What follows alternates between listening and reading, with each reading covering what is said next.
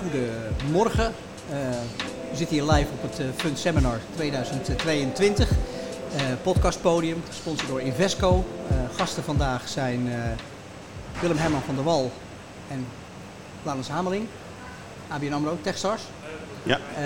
misschien is het goed om kort je nog even voor te stellen aan onze gasten. En dan kunnen we het gaan hebben over technologische innovatie in vermogensbeheer. Willem Herman. Willem Herman van der Wal van Invesco. Wij doen vermogensbeheer voor onder andere banken, verzekeraars en pensioenfondsen. Nou, onder andere dus een van de partijen waar wij samenwerken is ABN AMRO. En daar doen wij een stukje van het beleggingsbeleid, uh, uh, innovatie en invulling voor. Ja, geweldig. Laurens? Ja, Laurens Hameling. Bedankt voor de uitnodiging. Um, ik werk voor ABN AMRO Strategie en Innovatie. Wij doen innovatie voor de bank. Uh, dat doen we op twee manieren. Inside-out met eigen initiatieven, maar ook outside-in. Uh, door te samen te werken met uh, start-ups en, en early-stage bedrijven. dat doen we via ABN AMRO Ventures, maar sinds kort ook met een programma voor ja, echte vroege fase bedrijven. En dat doen we samen met de Amerikaanse partner Techstars. Ja. Ja, dat is mijn verantwoordelijkheid. Dus we hebben nu tien ondernemers in Amsterdam. Uh, voor drie maanden uit heel Europa. En uh, die gaan door een drie maanden programma. En na het programma gaan we kijken hoe we samen met ze nieuwe producten en diensten kunnen lanceren voor klanten. Ja, nu is dat voor een bank uh, misschien voor de hand liggender. Maar ik weet, Invesco is natuurlijk ook een bedrijf wat de nodige stappen zet op technologische innovatie, Willem Herman. Klopt. nou, we, we, lopen dagelijks tegen uitdagingen aan. Een beetje vervelend woord, maar dat is wel iets ja. wat, we, wat we tegenkomen. met name de innovatie komt uh, uh, naar ons toe via onze klanten. Bijvoorbeeld via, via een partij als ABN AMRO. Dat zien we natuurlijk in allerlei landen. En onze grootste, ja, uh, ons grootste probleem daarbij is eigenlijk hoe kunnen we dat harmoniseren. Laurens en ik hebben net even kennis gemaakt en, en, en, een beetje bijgepraat. zo zie je bijvoorbeeld alles wat met ESG-regelgeving te maken heeft en ESG-implementatie dat daar zoveel verschil is in de data die daar uh, voorhanden zijn. Dat verschillende landen, verschillende klanten verschillende datasoorten gebruiken. Wat wij proberen is dat zoveel mogelijk dan te harmoniseren en dat bij onze klanten brengen. Nou, dat is typisch iets waar we innovatie keihard nodig hebben om dat uh, uh, goed bij onze teams verwerkt te krijgen. Maar ook om dat goed over de bühne te brengen bij onze klanten. Ja.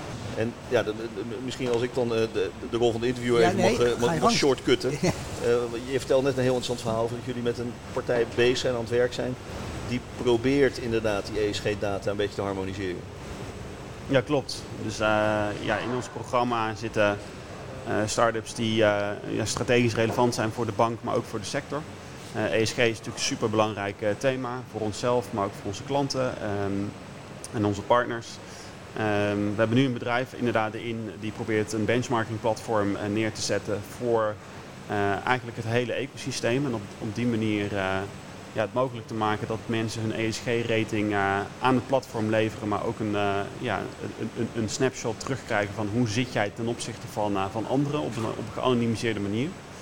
Ja, eigenlijk best wel erg innovatief vinden wij, ook erg spannend. We proberen een consortium met ze voor elkaar te krijgen. En daarmee ook zeg maar, dat hele ecosysteem uh, uh, verder te helpen. En, en, en, en inderdaad uh, de data te harmoniseren en tot een betrouwbare ESG-rating te komen. Dus dat is een van de voor, voorbeelden van, van wat we nu in het programma hebben. en ja, we proberen in die co-creatie echt, echt te versnellen. Ja. Ik kan me voorstellen dat dat dus typisch iets is waar een partij als Invesco heel veel aan zou hebben. Uh, behalve dat wij dus aan de andere kant van nou, bijvoorbeeld ABN AMRO een vraag krijgen van hoe zien jullie uh, bepaalde ontwikkelingen op ESG-gebied. Uh, maar dit soort input zou voor ons heel waardevol kunnen zijn, zodat onze beleggingsteams, die ook natuurlijk niet op één plek zitten, maar op allerlei, op allerlei plaatsen over de hele wereld verspreid zijn, die zelf met allerlei, behalve eigen research, met allerlei soorten data werken. Moment dat wij dat geharmoniseerd, gefilterd of hoe je het noemen wilt, aan zou kunnen leveren aan onze beleggingsteams, is dat iets, hè, dan zou de cirkel rond zijn. Uh, dus behalve dat ABN AMRO zelf dan weet waar het vandaan komt, die data. Dat is iets waar wij, als wij beleggingsoplossingen voor hun zouden maken, waar wij mee aan de slag zouden kunnen gaan. Dus dat zou absoluut heel, heel wenselijk zijn. En ik kan me voorstellen vandaag de dag dat steeds meer klanten, particulier, wholesale en institutioneel, jullie ook vragen om die verantwoording op ISG-gebied. Dus die data wil je gewoon goed hebben. Dat klopt. en volgens mij zijn er zo'n zo'n 15 verschillende grote dataproviders in de wereld. Mhm. Eh, en dat zal ook de uitdaging zijn voor eh, het voorbeeld dat Laurens net noemde. Er zijn vaak grote commerciële belangen mee gemoeid. Mhm. Dus wij kopen dat soort data in van een Systemalytics of een MSCI. Daarnaast doen we onze eigen research, onze eigen ontwikkeling. dus wij hebben heel veel data. Die moeten wij zelf verwerken en wij proberen dat tot een uniform advies te verwerken in een bepaalde beleggingsportefeuille. Mhm. Ehm, ja, als, als iemand anders dat voor ons zou kunnen doen, uh, dat zou voor ons zeer, zeer veel efficiënter zijn dan dat we hopelijk zoals we het nu doen, zelf doen. Uh, en de harmonisatie, wat ik zei, uh, misschien met ABN AMRO is het nog relatief makkelijk. Maar we werken met allerlei partijen over de hele wereld, van, van Japan tot Amerika. Iedereen legt bepaalde data weer op zijn eigen manier uit. En Mhm. iedereen werkt niet met alle 13 dataproviders. Dus ja, harmonisatie is, is vaak iets waar wij heel veel tijd mee kwijt zijn. En, en dus wat het ook relatief duur maakt om bijvoorbeeld ESG te implementeren in een strategie. Ja, Laurens, wat ik, wat ik me even afvroeg. Je hebt inderdaad nu tien uh, start-ups in dat programma Techstars. Um, nou is de wereld van asset en wealth management staat vaak wat verder af van de wereld van fintech. Veel fintech zijn bezig met retail banking of betalen of remittance. Heb je in het programma partijen die die nou, je schetste er net alleen, maar zijn er meer partijen die raakvlak hebben met de wereld van uh, asset management? Ja, zeker. En uh, er, zijn ook best wel, er is best wel veel activiteit hoor in fintech, ook, ook voor wealth management. Uh, Robo-advisory is natuurlijk een, een, belangrijk thema, maar je ziet ja, ook in, in toenemende mate natuurlijk dat de, de regeldruk Um, ook onze private bank uh, party gaat spelen. Het wordt voor collega's niet leuker erop en voor klanten ook niet. Dus dat proberen we op te lossen met, uh, met technologie. Mm -hmm. uh, dus het wordt inderdaad ook wel een, een noodzaak om te innoveren. Um, nee, we hebben nu inderdaad ja, value metrics noemde ik net. ESG benchmarking relevant voor de private bank. we hebben de Porto's Co. Die, hebben, die doen eigenlijk wat zij noemen lending voor de unconventional. Hmm. Dus uh, we hebben natuurlijk vaak bij, uh, bij de private bank zien we um, uh, ja, niet de standaard klant. Het zijn vaak mensen met onder, een ondernemersachtergrond, met, met nou, verschillende inkomens. En dat, dat, past natuurlijk niet in het standaard lending format of het afsluiten van een, van een hypotheek wordt dan moet je al vaak wat creatiever worden. En, en zij hebben eigenlijk een, een specifiek voor die doelgroep een propositie ontwikkeld op basis van data en op basis van kennis van de doelgroep hoe ze die doelgroep veel beter en veel persoonlijker kunnen bedienen. En dat is bijvoorbeeld iets wat heel erg bij, uh, bij onze strategie van de private bank past met, met entrepreneur en enterprise. Waar we echt um, ja, specifiek die doelgroep op, op, een hele persoonlijke, maar ook digitale manier willen gaan bedienen. Um, ja, dus dat is denk ik ook een, ook een heel mooi voorbeeld. Dus we zien toch best wel heel veel, veel fintech activiteit ook in de, in de wealth management uh, space. Kom je ook dingen tegen, Laurens, op het gebied van beleggingsplatforms? Je ziet met name in, in de US daar heel veel nieuwe initiatieven om beleggen toegankelijker te maken, om beleggen voordeliger te maken, om het wat dichter bij het publiek te brengen. Kom je dat soort dingen ook tegen? Ja, ja absoluut. Dus um, ja, beleggen is natuurlijk voor in, in wealth management het, het thema. Um, we hebben nu één start-up erin zitten die zit meer in de decentralized finance space. Dat is natuurlijk een, een, um, ja, een domein wat echt heel erg in ontwikkeling is en mm -hmm. waar nog heel veel uh, beginnersfouten in zitten en ook heel veel risico's. we kennen allemaal de waarschuwingen rondom crypto. Desalniettemin vinden we als bank heel interessant om die ontwikkelingen te volgen. Vooral omdat we zien dat, dat in, deze, ja, in deze space wordt eigenlijk de nieuwe infrastructuur, de nieuwe laag op het internet voor, uh, voor financiële dienstverlening ontwikkeld. Maar dat is iets wat gewoon heel veel tijd gaat kosten. Maar je ziet daar wel toch hele serieuze teams, vaak met mensen uit de beleggingswereld, uit, uit de investmentbankwereld. Uh, zie je daar inspringen met hun kennis en expertise en kijken hoe ze het toch voor elkaar kunnen krijgen om op een hele verantwoorde manier alternatieve assets te, um, um, zeg maar beleggen in alternatieve assets mogelijk te maken. Dus hebben we er nu ook eentje van, uh, van aangetrokken. Eigenlijk puur op basis van uh, gewoon, gewoon een sterk team waar we gewoon uh, benieuwd naar zijn wat ze, wat ze gaan doen en wat ze gaan, gaan ontwikkelen en hoe zij proberen zeg maar, de volwassenheidsslag ja, in finance mogelijk te maken. En, en, hoe zie je dan de onwaarschijnlijke regeldruk dit, dit beïnvloeden? Want dat is iets waar we natuurlijk met z'n allen dagelijks tegen aanlopen. Plannen klinken ja, fantastisch, super innovatief.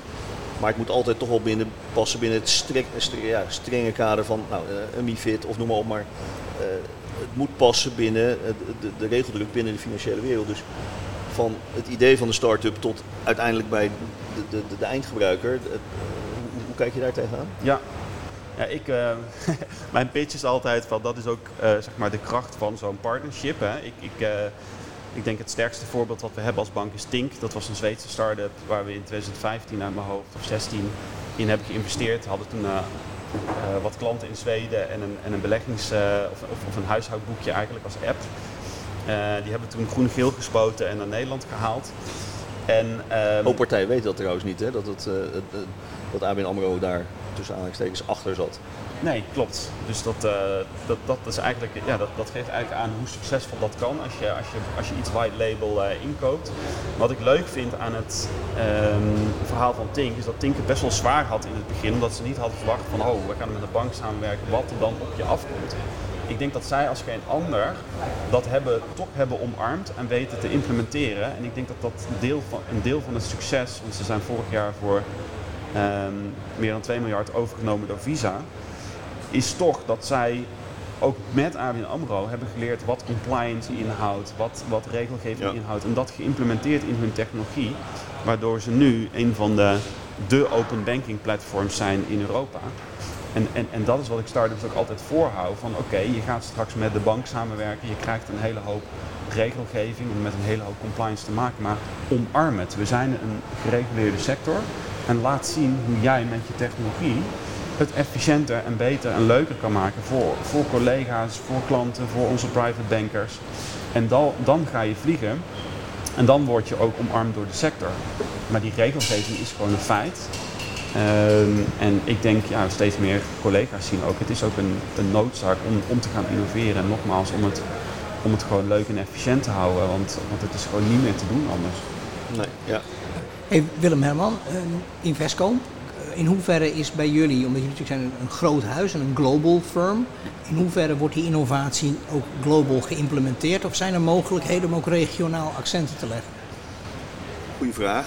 Um, nee, het is regionaal. Uh, heeft ook een beetje denk ik te maken met uh, hoe Invesco in elkaar zit. We zijn van oudsher echt een, een, een fusie- en overname uh, organisatie. Dus we hebben mm -hmm. echt 13 verschillende investment centers die we uiteindelijk onder één brand hebben samengebracht. We willen ook heel bewust die regionale verschillen in stand houden. Een, een, klant in Nederland is nou eenmaal een andere klant dan een klant in België of in Azië of in, in de US. Dus dat wordt nou, bijvoorbeeld een initiatief van een platform in de US, dat heet IntelliFlow. Waar we digitaal advies proberen over te brengen aan onze klanten in de US. En natuurlijk, de, de, de, Europese teams kijken daar ook naar in hoeverre is dat interessant voor onze klanten en voor onze markten. Maar we benaderen dat heel erg regionaal. We proberen ja, dicht bij onze markt en onze klanten te zitten natuurlijk. Dankjewel. Dankjewel. Um, heren, we lopen langzaam tegen het, niet alleen het eind van deze, de, dit gesprek, maar vooral aan het begin van de eerste ronde workshops van uh, Fund Seminar aan. Willem Herman van der Wal, Invesco, dankjewel nou, leuk voor je aanwezigheid. Laurens Hameling, ABN AMRO Techstars, dankjewel. Ja. En heren, tot, tot een ander moment. Jo, dankjewel. Dankjewel. Hoi.